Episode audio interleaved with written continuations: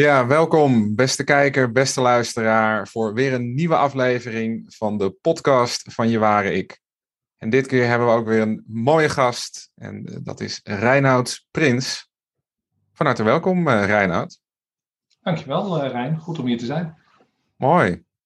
Ja, je bent uh, onder andere in het dagelijks leven coach en ook uh, oprichter van, of medeoprichter moet ik geloof ik zeggen, van Liberi Coaching. Allemaal waar. En we hebben een ja. aantal dingen gemeen in het leven. In ieder geval voor zover ik nu weet. Misschien komen we tijdens dit gesprek nog op, uh, op meerdere dingen. Ja. Nou, we zijn in ieder geval allebei expert op het gebied van uh, burn-out. En we hebben zelf ook een burn-out gehad. Ja, ja. dat is ook een uh, vereiste. Hè? Als je jezelf expert wil noemen, dat je het zelf ook hebt gedaan. Ja, ja dat geloof ik ook. Ja. En is een vraag die ik hoorde hem toevallig later in een andere podcast, moet ik heel eerlijk zeggen. Maar ik vond het zo'n mooie vraag dat ik dacht, nou, daar gaan we vandaag mee, mee beginnen.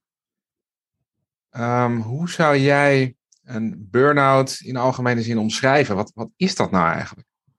Oeh, in algemene zin? Ja. Ja, jeetje. Ik, wat, ik, wat ik vaak zeg, hè, ik, wij, wij, um, we krijgen nogal eens uh, mensen aan de lijn die, uh, die ons bellen met de vraag van heb ik een burn-out? Mm-hmm. Mensen, die, mensen die vastlopen, mensen die in paniek zijn, mensen die er geen gat meer zien, geen energie meer hebben. Uh, en um, uiteindelijk maakt het niet zoveel uit hoe je, hoe je het noemt, hè, of een sticky erop plakt. Op het moment dat je op die uh, kruispunt van je leven komt, uh, is het een kans om iets te gaan ontdekken. Er is iets aan de hand, iets in je lijf zegt van hé, hey, dat wat je nu doet, dat werkt niet meer. Mm-hmm. Als je nu doorgaat, als je nu toch weer probeert het te doen zoals je het altijd deed, dan krijg je nog meer van wat je nu al hebt. Ja. En, en, en, en een burn-out is dus in mijn ogen een buitenkans. Een burn-out is een soort van uh, wake-up call. Stop met wat je nu aan het doen bent, want je bent jezelf volledig aan het slopen. Mm-hmm. En, uh, en dus zeg ik ook vaak tegen mensen: een burn-out is niet de ziekte. Burn-out is het genezingsproces. De ziekte is dat we voor externe validatie onszelf volledig voorbij lopen. Dat we denken dat de signalen die ons lichaam afgeeft uh, gedempt moeten worden met pillen en met uh, nou, andere verdovende middelen. Mm-hmm. Uh, een burn-out is. En nu ga ik het anders doen. Nu doet het Ja. zoveel pijn. Nu kan ik echt niet anders meer dan dat ik ga luisteren naar het verhaal van mijn lijf. En dat ik op een andere manier omga met mijn problemen. Ja. Mooi Dus dat hoe je dat omschrijft. Ja. Ja, Ik hoor een aantal dingen terugkomen, hè? De signalen en het lijf. ja. Kan jij ons meenemen naar de signalen die jij van jouw lijf kreeg eh, ten tijde van, van jouw burn-out? Jazeker. Ja, kijk, um, mijn. Uh, kijk, een burn-out is niet iets wat van de een op de andere dag gebeurt. Kijk, ik op zaterdag, ergens in september 2012, zakte de bodem onder mij vandaan en ging het niet langer. Mm-hmm. Maar uh, daar zit al zoveel historie aan vooraf. Kijk, uh, uh,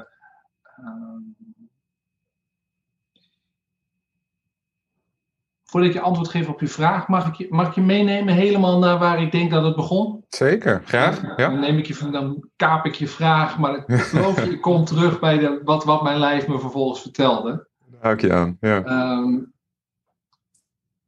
kijk, ik denk dat ik een beetje een aparte kerel ben. Een beetje anders dan heel veel andere mensen. En, en, en, en vroeg in mijn leven was dat niet altijd een voordeel. Mm-hmm. Het zorgde ervoor dat ik, uh, dat ik een buitenbeentje was. En dat ik gepest werd. En dat, uh, dat ik daardoor me alleen voelde. En, uh, en het idee had dat, uh, dat ik wat te bewijzen had. Dat denk ik al heel vroeg. En dat combineerde ik met een, met een moeder die, die eigenlijk altijd ziek is geweest, altijd levensbedreigend ziek is geweest, maar ook heel angstig was. En dat combineerde ik weer met dat ik eigenlijk een heel gevoelig mannetje was. Oh ja. uh, maar dat is best lastig als je gepest wordt en als je merkt dat je moeder zo ziek is dat je eigenlijk niet altijd ruimte kunt geven aan alles wat je daarin voelt. Dus dat is een soort van, uh, door de jaren heen heeft zich dat vertaald in een enorme bewijsdrang, in een enorme behoefte aan externe validatie, maar ook in een soort van ehm, dat, dat wat er was, dat wat mijn lijf me wel vertelde, dat ik dat kon negeren, dat ik dat kon Mhm. wegdrukken. En of ik dat nou deed door te gaan gokken, of doordat ik dat deed door veel te gaan drinken, of door gewoon een ongelooflijke overdosis aan prikkels in mijn leven te stoppen. Ehm, dat, en, en, en dat zorgde ervoor dat ik af en toe paniekaanvallen had. Maar die paniekaanvallen kwamen eigenlijk alleen s'nachts. En dan schrok ik wakker en dan schreeuwde ik het uit. Dan was ik helemaal de weg kwijt. Eh, en dan eh, mijn partner die naast me lag, die schrok zijn rolberoerte. Ja. Eh, maar tien minuten later, dan was de paniek weer weg. Dan had ik het weer onder controle, want dan wist ik het weer. Ik ben hier en ik, ben, ik heb gisteren dit gedaan en morgen ga ik dat doen. En dan bracht ik mezelf met hele concrete dingen weer in het hier en nu. En dan was de paniek weer onder controle. Eh, Mhm. En dan ging ik weer door met het negeren van eigenlijk alles wat er was. Met mezelf te bewijzen, terwijl ik helemaal niet bezig was met datgene waar ik eigenlijk zelf gelukkig van werd. Mhm. En dus toen ik uiteindelijk op die september in 2012 de bodem onder mij vandaan kwam, toen was die paniek er. Die blinde paniek die ik af en toe eens had, midden in de nacht, die was er toen continu. Vol aan. Mijn hele, mijn hele lijf eh, schreeuwde dat er gevaar was, dat ik gek werd, dat ik doodging, dat ik, eh, you name it, wat de angst was, ik voelde hem. En, en, en dus eh, klopte mijn hart in mijn keel, was ik continu aan het zweten, waren alle spieren in mijn lijf waren pijnlijk.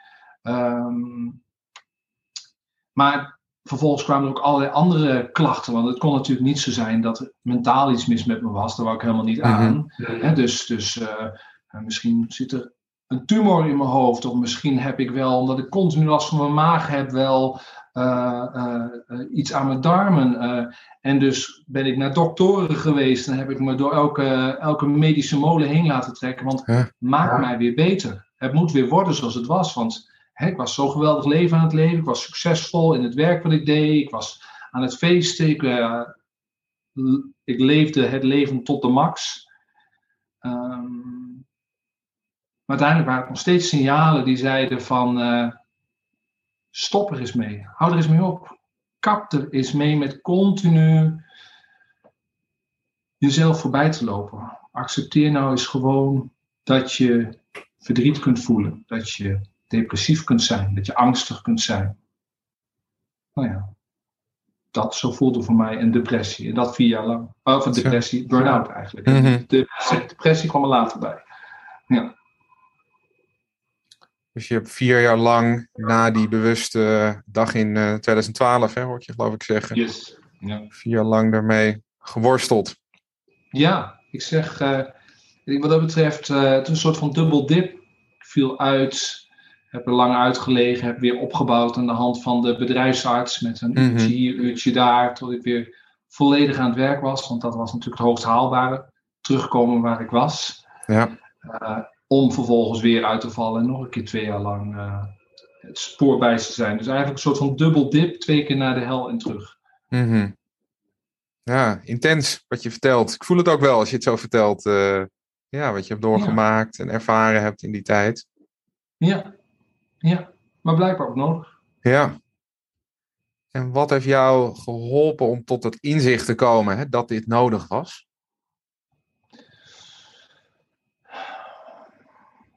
Ik denk dat ehm, een, een, een zin die ik wel vaak gebruik, en eh, laat mijn ouders het niet horen, die vinden het altijd verschrikkelijk als ik het zeg. ik, ik moest het me niet vertellen dat ik deze podcast heb opgenomen. Ik zeg altijd, eh, het leven is lijden. En dan, eh, dan, eh, dan draait mijn vader met zijn ogen zo van, eh, het leven is allemaal geen lijden, houd toch op. Maar uh, het probleem is dus niet dat het leven lijden is. Hè? Dus dat we, dat we verdriet hebben, of dat we, dat we angst hebben, of dat we pijn hebben, of dat we ziek worden, of dat we doodgaan. Dat is niet het probleem. Het leven is lijden, dat gebeurt. Het probleem is dat we ons daartegen verzetten, dat we het niet accepteren dat het gebeurt. Dat we in de golfbeweging die het leven maakt, dat we daartegen knokken. Mhm. Dat we, dat we mee kunnen gaan met die upswing van, oh, wat is het leven toch geweldig en wat is toch genieten en uh, één groot feest. Maar als we ochtends wakker worden met de kater van de vorige dag, dan, dan, dan zijn we al in volledig verzet. En, en uh, het heeft mij dus heel erg geholpen om, uh, Om niet meer ergens naartoe te streven. Altijd die plek, die, die, die punt op de horizon te hebben, maar gewoon, dit is, dit is ook goed. Mhm. Dit is misschien wel precies de plek waar ik nu moet zijn. Met alle pijn, met alle verdriet, met alle moeite. En dat maakt dus dat alles wat je tegenkomt ook een soort van: eh, oké, dit hoort erbij. En er zit, er, zit, er zit zelfs schoonheid in lijden. Dat heeft me wel heel geholpen. Maar dat heeft ook wel. eh, dat heeft ook dus ook wel heel wat jaren in beslag genomen voordat ik daar kon zijn. Ja. Ja. En wat heeft jou. Is er een, iemand die jou daar heel erg op geïnspireerd heeft? Of ben je zelf een coach of een therapeut tegengekomen die jou ja, heeft geholpen om, om, om tot deze, ja, deze ontdekking bijna? Hè? Het is een waardevolle ontdekking, zo klinkt het. Ja. Om daar Ja. tot te komen. Kijk, ik denk eh, dat eh, eh, wij allemaal een soort van uniek recept hebben waarop we de cake van ons eigen leven kunnen bakken. Dus op het moment dat ik, ik heb heel veel mensen gesproken, heel veel eh, therapeuten en eh, eh, heel veel boeken gelezen. En, en, en, en, en iedereen, iedereen leer je wat van. Mhm. Alleen je, wat een hele waardevol, heel waardevol inzicht is, dat niemand heeft de waarheid in pacht. Ik ben, ik ben christelijk opgevoed en, en, en vanuit daar is er een soort van waarheid. Dit is het evangelie en als, als je het zo doet, dan, nou, dan kom je in de hemel. Eh, terwijl er, er is geen enkele waarheid. Niets is waar en alles is waar.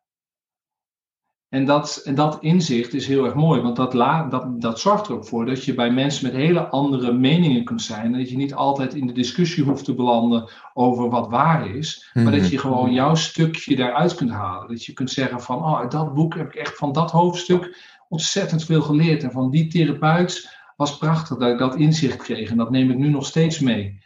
En, eh, dus ik kan, niet, ik kan niet één iemand eh, noemen, omdat ik ook niet geloof in dat er één iemand is die al die wijsheden heeft. Maar ik kan wel heel veel mensen, boeken en ervaringen opnoemen. En ik zeg, oh ja, dat was mooi. Dat heeft Mhm. me geholpen. Ja. Is één iets wat eruit springt als we het er zo over hebben, van je denkt, hé, hey, dat, dat komt nu in me op. Dat, dat is bijzonder voor me geweest. Oef. Ja. Nou, twee dan. Wat vooruit. dat hè. Als jij er om één vraagt, dat is ook zo karig. Ehm, er is een zin die gebruik ik eigenlijk in alle, alle coaching sessies die ik met, met mensen heb die, die, die moeite hebben om, om controle los te laten. Eh, en dat is ook weer een zin die ik van iemand anders gekregen heb. Dat was van een, eh, van een hypnotherapeut eh, hier in Zwolle. Ehm, en het ging, het ging erover van, van wat nou als je die controle loslaat. Hè? Want eh, eh, ik als controlfreak eh, heb de illusie dat ik ook maar iets te zeggen heb over hoe het leven loopt. Terwijl eigenlijk, Mhm. zoals Agda de Munnik zei, het leven is wat je gebeurt terwijl je andere plannen maakt. Ja. Dus op het moment dat je dat kunt inzien, dat je, dat je, dus je heel veel energie besteedt aan continu die controle vasthouden, terwijl het eigenlijk tot niets leidt, want het gaat toch anders dan je had gedacht. Eh, de zin die dus mij heel erg is bijgebleven is, wat als je je laat vallen en dan merkt dat je kunt vliegen. Ja. En, en dat is eh, als je als je zoals ik heel erg depressief bent eh, en je denkt dat je, er, dat je er misschien een einde aan zou willen maken, een heel slecht advies. Laat je vallen en denk dat je kunt vliegen. Maar in, in bredere zin, levensbeschouwelijk, al dat, al dat vasthouden, al dat zorgen dat je blijft staan. Wat nou als je het loslaat? Als je Mhm. nou gewoon merkt dat juist in dat loslaten zoveel vrijheid zit en dat je dan zoveel meer kunt en zoveel meer kunt bereiken. Ehm, ja, wat als je je laat vallen en merkt dat je kunt vliegen? Dat is wel een eentje die me heel erg is bijgebleven. En dus ook eentje die ik mezelf voorhoud op het moment dat ik weer in mijn oude reflex schiet van eh, alles proberen te beheersen en te controleren. En een andere, toen ik eh, eenmaal richting het einde van mijn eh, burn-out kwam en mijn eh, opleiding tot coach aan het doen was, of eigenlijk deed ik eerst de NLP practitioner. In Mhm. het certificeringsweekend liep ik alleen door het bos 's ochtends. En daar kwam ik eh, een steen tegen. En op die steen stond een spreuk. En die spreuk zei: ehm, We kunnen het leven alleen achterwaarts begrijpen, terwijl we het voorwaarts moeten leven. Ah, Achterwaarts, en, terwijl het vooruit. Ja, ik moest even herhalen om even. Ja, ja. Nee, dat snap ik hoor. wat heb ik, ik even stilgestaan bij die, uh, bij die steen. En ik sta er nu nog steeds bij stil. Want, want op het moment dat je, dat je dat gaat geloven, dan kun je dus, kijk, in het moment zelf, in het moment van het lijden, kun je denken van dit, oh, waarom, waarom ik, waarom ik weer, universum, wat heb je tegen mij, uh, heb ik nog niet genoeg gehad, uh, dit is nergens goed voor. Terwijl je later uh, eigenlijk heel goed kunt zien, daar waar het echt gewoon heel zwaar was, je denkt, ja, maar ik snap het nu wel, ik snap mm -hmm. waar het goed voor was. Als je dat al weet in het lijden, op het moment dat het zwaar is, dat er ooit een moment komt dat je denkt, ja, ja, was eigenlijk, dat moest gebeuren. Dat, dat, dat, dat bepaalde de, de koers van mijn leven. Dat maakt het in het moment ook veel makkelijker. Dus we kunnen het alleen achterwaarts begrijpen terwijl we het voorwaarts moeten leven. Maar als we dat weten, kunnen we ook voorwaarts het al een beetje begrijpen. Dit, ja. dit is ergens goed voor. Ja. Mooi. Ja. Ik merk dat er meteen dingen door me heen gaan. dat, uh, ik zit nu in een fase waarin mijn, mijn relatie heel uh, onstuimig uh, zich ontwikkelt. Ja. En waarin ik ook echt wel probeer bij mezelf steeds na te gaan. Oké, wat, wat heb ik eruit te leren? Ik heb heel sterk het gevoel dat, dat ik er iets uit te leren heb. En ja. Ik, dus ook die, die spreuk van jou er even op toe te passen. Ja. En, uh, ja, mooi. Mooi als je dat, als je dat in het moment zelf kan. Hè? Als, als dat lukt op een gegeven moment. Om dat echt in het moment zelf te doen. Ja. Dat maakt het lijden ook minder... Uh, ja. ja. Maar dat is denk ik ook wel echt wel oefenen, Rijn. Dat je, dat je uh, daar inderdaad even een stapje van terug kunt nemen. En niet altijd mee hoeft te gaan in wat de lawaai-papegaai uh, op je schouder zegt van... Dit is erg, doe er wat aan, dit kan mm -hmm. toch niet langer. Maar ja. dat je gewoon denkt van oké, dit doet iets met mij. Je, je, zegt van ik zit in een onstuimige fase van mijn relatie. Dit, het zegt iets over, over jullie relatie, het zegt iets over haar, maar het zegt vooral iets over jou. want dat is mhm. het gedeelte waar jij, uh, waar jij wat mee te maken hebt. En, en, waarom raakt me dit zo? Raakt dit mij zo omdat dat triggert aan thema's waar ik al eerder mee heb gezeten? Uh, zegt dit iets over over onzekerheid, zegt het iets over een, een, waarde die ik nog niet kan vinden, of uh, you name it. Het feit dat mhm. het je zo raakt, betekent dat er, dat er iets is, dat er een les is. Ja. Zeker, en dat, dat vind ik zelf ook het mooie, als je dat op een gegeven moment door begint te krijgen, hè, dat je niet in die, in die slachtofferrol, wat je eigenlijk ook al beschrijft, hè, stapt van, oh, waarom overkomt me dit, waarom is het leven zo zwaar? En, ja maar dat je daar af en toe, natuurlijk zijn die momenten er ook en dat is ook oké. Okay, maar dat je ja, ook momenten hebt. ja. ja. Dat je even bij de klaagmuur staat, hè, bij wijze van spreken. Of uh, mijn vriendin heeft hier het klaagtapijt. Die, die gaat dan klagen op de knieën en dan bij het tapijt gaat ze klagen. dus uh, ja. Ja, dat mag maar, ook, maar dat je ook kan zien van oké, okay, ja, wat, wat gebeurt er inderdaad? En wat raakt me hier nou? En, en welke les heb ik hieruit te leren? Ja. Ja, wat gebeurt er nou eigenlijk? Hè? Ja. Kijk, eh, ik zei, zei het net al even over het leven, het leven is lijden als, als spreuk. En dat kan dus ervoor zorgen dat mensen denken, jeetje, wat pessimistisch. Terwijl ik vind het helemaal niet pessimistisch. Ik vind het juist soort van heel erg, ha, oké, okay, ja. En wat een schoonheid kan daarin zitten. Kijk, ik, ja. ik, heb, uh, ik heb gewerkt als verpleegkundige, want ik ben... Uh, ik heb opleiding tot verpleegkundige gedaan, in het ziekenhuis gewerkt. En uh, ik, ik vond toen al, vond ik stervensbegeleiding vond ik prachtig om te doen. Er zit, er zit zelfs schoonheid in sterven. Mm -hmm. uh, en dat kun je, kun je schreeuwend en schoppend ondergaan, het stervensproces. Of je kunt dat ook gewoon als onderdeel van dat wat het leven is. En ook daar ja, de schoonheid in zien. Dat wat, wat, dat wat daar ook weer uit voortvloeit. Dat wat, wat, wat samenbrengt. En dat wat, ja. ja. In alles zit schoonheid. Zeker. Ja. Je vertelde net al even het bruggetje naar het moment dat je hersteld was van je burn-out. En je begon geloof ik met de NLP practitioner opleiding. Yes. Hoe, wat was het moment waarop jij voelde van ik, ik, wil hier iets mee. Hè? Ik, eh, want je werkte in de, in de medische sector. Hè? Wat was het moment waarop je voelde... Ja, ik, ik, wil, ik, wil, ik wil hier iets mee. Doe met mensen aan de slag. Ja, ja.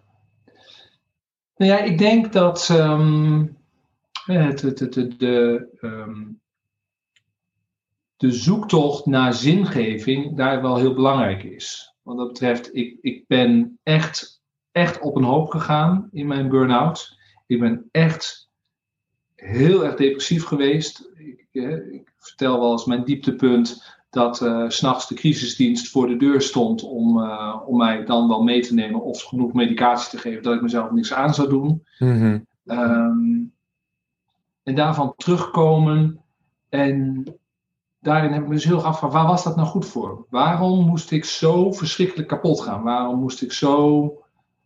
Um, en dan kan het in mijn, in mijn versie van de waarheid, hè, want alles is waar en niets is waar, maar in mijn waarheid kan het niet anders zijn dan dat ik daar dus wat mee moet. Dat die, dat die ervaring uh, waardevol wordt door juist dat in te gaan zetten om andere mensen te begeleiden.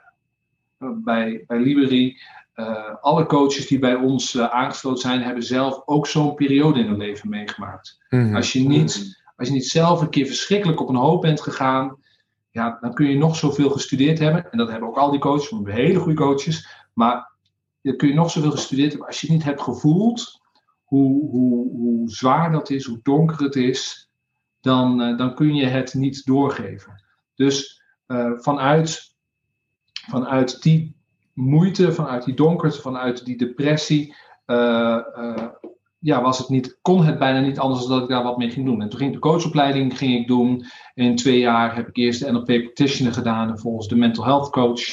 Uh, en ik dacht gewoon dat ik dat één op één zou gaan doen. Want in mijn, in mijn burn-out had ik eigenlijk de moed opgegeven dat ik ooit, of nee, niet de moed, de hoop opgegeven dat ik ooit uh, ooit weer normaal zou kunnen werken. Ik dacht dat ik kapot was. Ja. Maar toen ik daarmee bezig was, met die coachopleiding, merkte ik dat er zoveel energie in mij stroomde. Ik dacht van zo, oh, dit is zo gaaf, dit is zo leuk, dit past zo bij, bij wie ik ben en wie ik wil zijn. En het is een soort van, uh, het kostte me helemaal geen moeite. Ik had, ik had jarenlang moeite met, met dingen herinneren en onthouden. En ik zat daar in die opleiding en het, bleef allemaal hangen, het bleef allemaal plakken. Het was allemaal alsof ik het al eerder een keer gehoord had. Ja. Uh, en toen dacht ik bij mezelf, nou, daar ga ik dus mee aan de slag. Maar als ik dat nou in mijn eentje ga doen, met al die energie die ik nu heb, dan kan ik per keer één persoon helpen.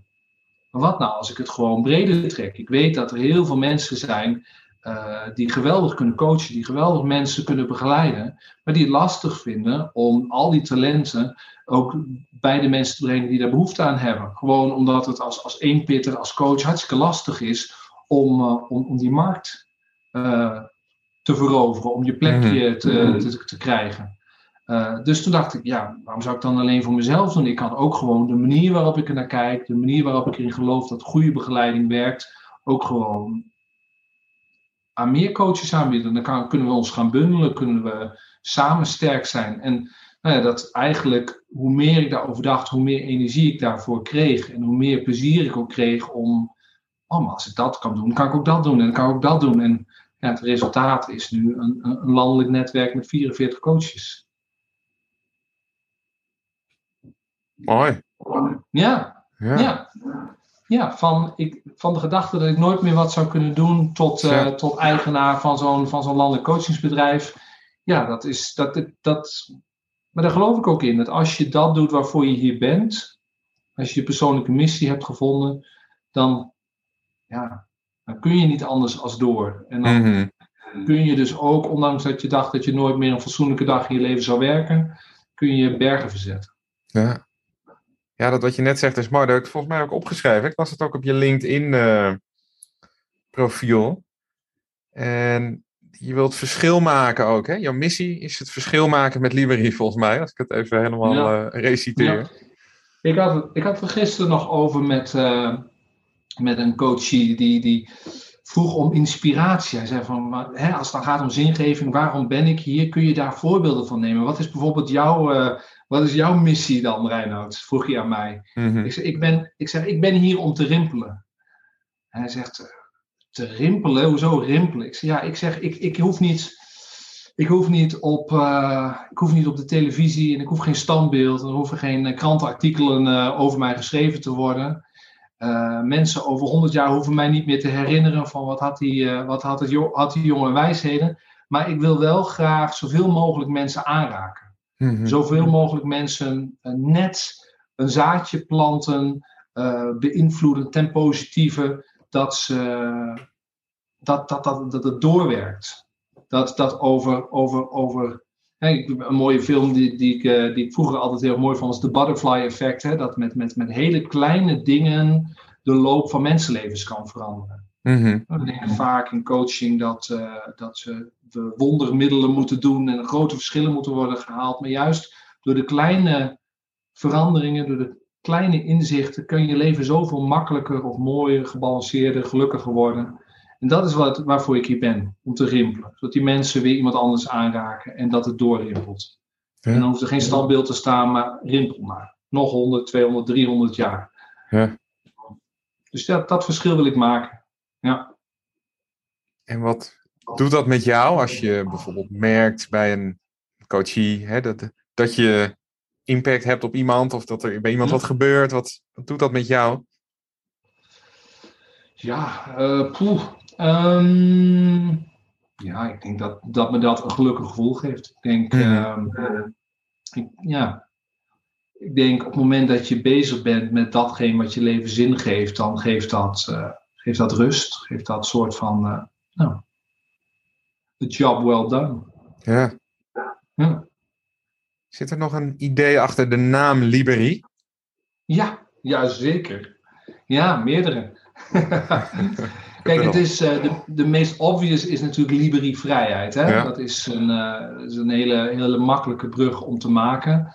En, en vrijheid zit, uh, zit in heel veel verschillende lagen. Kijk, voordat ik met Liberie begon, had ik een, had ik een goede baan. En, en hoefde ik mij eh, financieel nergens zorgen over te maken. Mm. Uh, maar het was geen vrijheid. Dus hoe kun, je, hoe kun je vrijheid in je leven krijgen? En dat kan door keuzes te maken die goed voor je zijn, hè? dus je hart te volgen. Maar vrijheid kan ook al zijn door je interne dialoog te veranderen. Hoeveel mensen er tegenwoordig niet zeggen dat ze van alles moeten. Ik moet nog dit, ik moet nog dat, ik moet nog zus, ik moet nog zo. Terwijl als je interne dialoog zou kunnen veranderen naar ik wil nog dit, ik wil nog dat, ik wil nog zus, ik wil nog zo. Dat scheelt al zoveel. Dan leef je mm -hmm. precies hetzelfde leven. Hè? Dan heb je nog steeds dezelfde activiteiten. Alhoewel het zo zou kunnen zijn als je willen zegt in plaats van moeten. Dat je denkt van ja, maar dat wil ik helemaal niet. Nou, doe het dan ook lekker niet. Ja. Um, maar door je interne dialoog al te, ver te veranderen. Door jezelf niet te verplichten dingen te doen, maar door dingen te willen. Wordt het leven lichter en makkelijker. Dus dat is ook al vrijheid. Je hoeft niet allemaal uh, je alles uh, achter je te verbranden en een, uh, en een bedrijf te beginnen met coaches. Je kunt ook gewoon kleine invloeden van vrijheid toevoegen. Maar een andere betekenis van Liberie, en dat is een, een, een klein, klein stukje. De Liberie waren vroeger edelen, edelen zonder land. Dat waren dus wel mensen van hoog aanzien, maar dat waren nou, die, die reisden eigenlijk gewoon vrij rond. Dus dat waren mensen die wel hoog in achting stonden, maar die toch niet gebonden waren. Dat zijn mm -hmm. natuurlijk al mijn coaches. Dat zijn allemaal hoogopgeleide mensen. Daar stellen we hoge eisen aan. Maar ze zijn toch ook gewoon heel erg vrij. Dus op die manier zijn we ook de Liberi. En de derde betekenis van Liberi is kind. Uh, Liberi betekent kind. En, en dat is denk ik ook een heel belangrijk onderdeel van wat we willen bereiken in onze coaching is dat, dat mensen op pad gaan met de vraag: Weet je nog wie je was? Voordat de wereld je vertelde wie je moest zijn. En we zijn allemaal zijn we gevormd door alles wat we onderweg zijn tegengekomen. Of een makkelijke jeugd of een moeilijke jeugd. Maar ergens worden we, worden we een keer getriggerd om bepaald gedrag aan te nemen wat niet van onszelf is. Ja. Uh, en nu zijn we grote mensen en gaan we daar gewoon mee door omdat we het ons niet eens afvragen. Maar kun je nog bij dat oorspronkelijke kind, wat wou die, waar werd die gelukkig van? Dus ga eens op zoek naar waarvoor je hier kwam. Nou ja, daar is ook het woord libri, kind, dus ook heel erg van toepassing. Dus ja, zeker, het heeft een betekenis. Ja. Ja. En wat was dat bij jou? Dat, ja, dat kind in jou, wat, wat, wat had die te zeggen? Waar kwam je zelf op uit? Ja, ja. Nou ja, kijk, ehm, het, het, het, feit dat toen ik voor mijzelf ging kiezen, dat ik eigenlijk uh, heel radicaal keuzes heb gemaakt. Ik, ik ben gescheiden, ik heb, mijn, ik heb mijn droomhuis verkocht, ik heb een hartstikke goede baan opgezet, ben mijn eigen bedrijf begonnen. Uh, ondanks dat heel veel mensen daar wat van vonden. Heel veel vrienden met wie ik vroeger uh, tot diep in de nacht ging uh, pokeren en drinken, die, die zag ik allemaal niet meer, want dat was niet het leven wat meer bij me paste. Dus mm -hmm. de vrijheid om, om keuzes te maken die goed voor jou zijn, de, eigenlijk niet meer af te vragen wat kan ik doen om externe validatie te krijgen, maar wat kom ik hier doen, wat is mijn missie? En dat is eigenlijk wel de uitkomst van die, van die zoektocht van wie was ik voordat de wereld mij vertelde wie ik moest zijn. Ja. Dan kan ik me voorstellen, want wat je zegt, dat herken ik ook heel erg, hè, dat je afscheid neemt ook van een heleboel dingen die je in de loop van je leven, ja, hebt opgepikt, kwam in me op, misschien een beetje een gek woord, maar in ieder geval dingen en mensen die je om je heen hebt verzameld, hè, als het ware. Ja. ja. En ik kan me voorstellen dat ook mensen nu luisteren die het gevoel hebben van ja, dat heb ik ook. Hè? Ik voel ergens dat de situatie waar ik in zit, het past me niet meer. Nee. Wat, wat zou je aan die mensen mee willen geven? Wat... wat als je je laat vallen en je ontdekt dat je kunt vliegen? Ah, ja. Ja. Hè, dat is, uh, die staat wel weer heel mooi op. Maar kijk, wij. Op een of andere manier zijn we als mens heel erg uh, gehardwired dat we ten alle tijde afwijzing willen voorkomen. Dat, uh, dat we voor, de, voor die approval van, van uh, dat je dan uh, toch maar dat visitekaartje hebt, of dat dikke salaris, of die mooie auto, of die, die vrouw waarvan iedereen zegt van ja, maar die, die is goed voor je. Mm-hmm. en dan gaan ze toch maar door, ondanks dat het knelt, ondanks dat het niet goed voelt. Want nou, daarmee voorkom je de afwijzing. Ja. Alleen het probleem is, en dat is echt fundamenteel, op het moment dat je dus iets doet wat niet goed voor je is, om maar niet afgewezen te worden door een ander, ben je dus bezig jezelf af te wijzen. Mm-hmm. Dus wat zou ik tegen die mensen willen zeggen? Hou eens op met jezelf af te wijzen. Wat dat betreft, ergens heb je geleerd dat dat oké okay is en dat heeft je waarschijnlijk beschadigd, maar nu doe je het zelf. Nu ben je zelf bezig die afwijzing in stand te houden. En kom er maar eens achter hoeveel vrijheid er op je wacht op het moment dat je die uh, die keuzes kunt maken. Mensen die zeggen, ja, maar ik ben bang om dat wat ik heb te verliezen. Ja, maar heb je wel eens nagedacht over wat je te winnen hebt? Wat, je, Mhm. wat, wat, wat er achter die horizon ligt. Maar, en dat is dan misschien voor die mensen een waarschuwing, want mensen zijn niet heel vaak bereid om, uh, om te veranderen als het nog niet genoeg pijn doet. Het gaat vanzelf genoeg pijn doen en die verandering komt vanzelf. Ja, dat geloof ik ook. Ja, het universum blijft ons, uh, hè, hoe je het ook wil noemen, hè? Ja. Uh, blijft ja. ons wijzen op, uh, op ons pad, hè? In, in die zin, ja. ja. ja. ja. Desnoods, desnoods, desnoods gooit het universum een piano op je pad. Ja. ja wat dat betreft. Als je, als je de kleine signalen niet wil zien, dan komen de grote signalen. En dan, en dan zeggen mensen, ik heb zoveel pech, het gebeurt me elke keer weer. En misschien Misschien is er een boodschap. Misschien Mhm. gebeurt er wel niets voor niets in dit leven. Ja. Ja, het viel me laatst op hoe vaak ik en ook andere mensen het woord toeval gebruiken. Maar in toeval Ja. zit natuurlijk iets moois ook, hè? Ja, Dat iets je toevalt. Ja. En eh, in hoeverre is het toeval dat iets je toevalt? Hè? nou, en dat is een hele mooie filosofische, filosofisch gesprek. Wat dat betreft, daar kunnen we gerust een keer eh, met een flesje wijn eh, een hele avond over kletsen. Over Mhm. toeval of lot.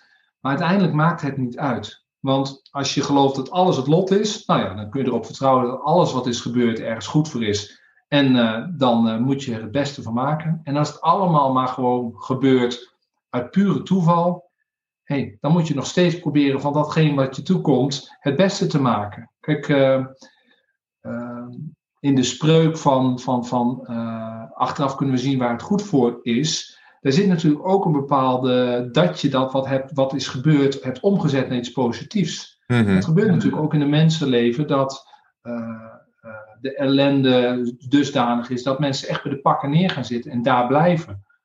En daar ook niet meer, niet meer doorheen komen. Want tien jaar geleden is mij zoiets traumatisch gebeurd.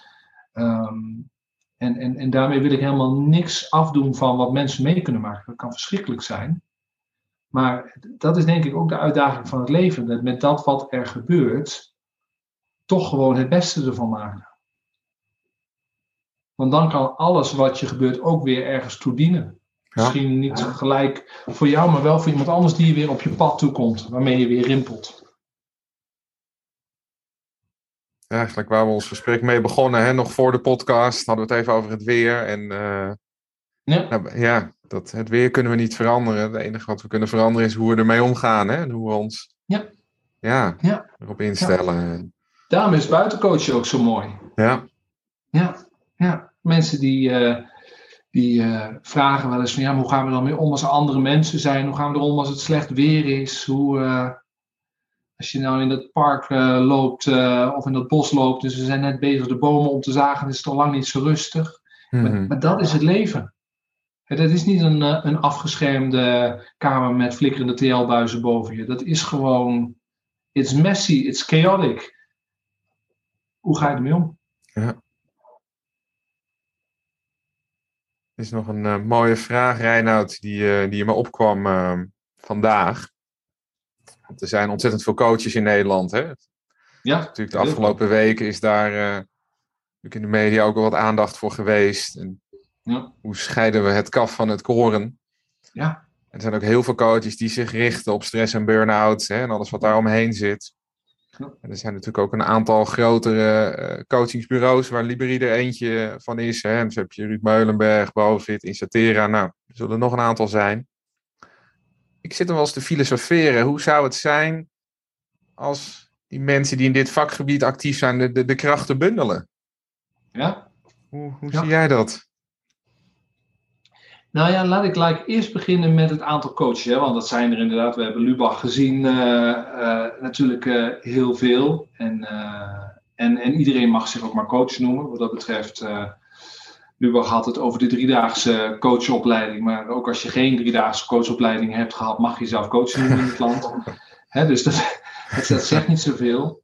Tegelijkertijd, hoeveel geregistreerde coaches er ook zijn, er zijn nog steeds meer mensen die eh, kampen met allerlei mentale klachten.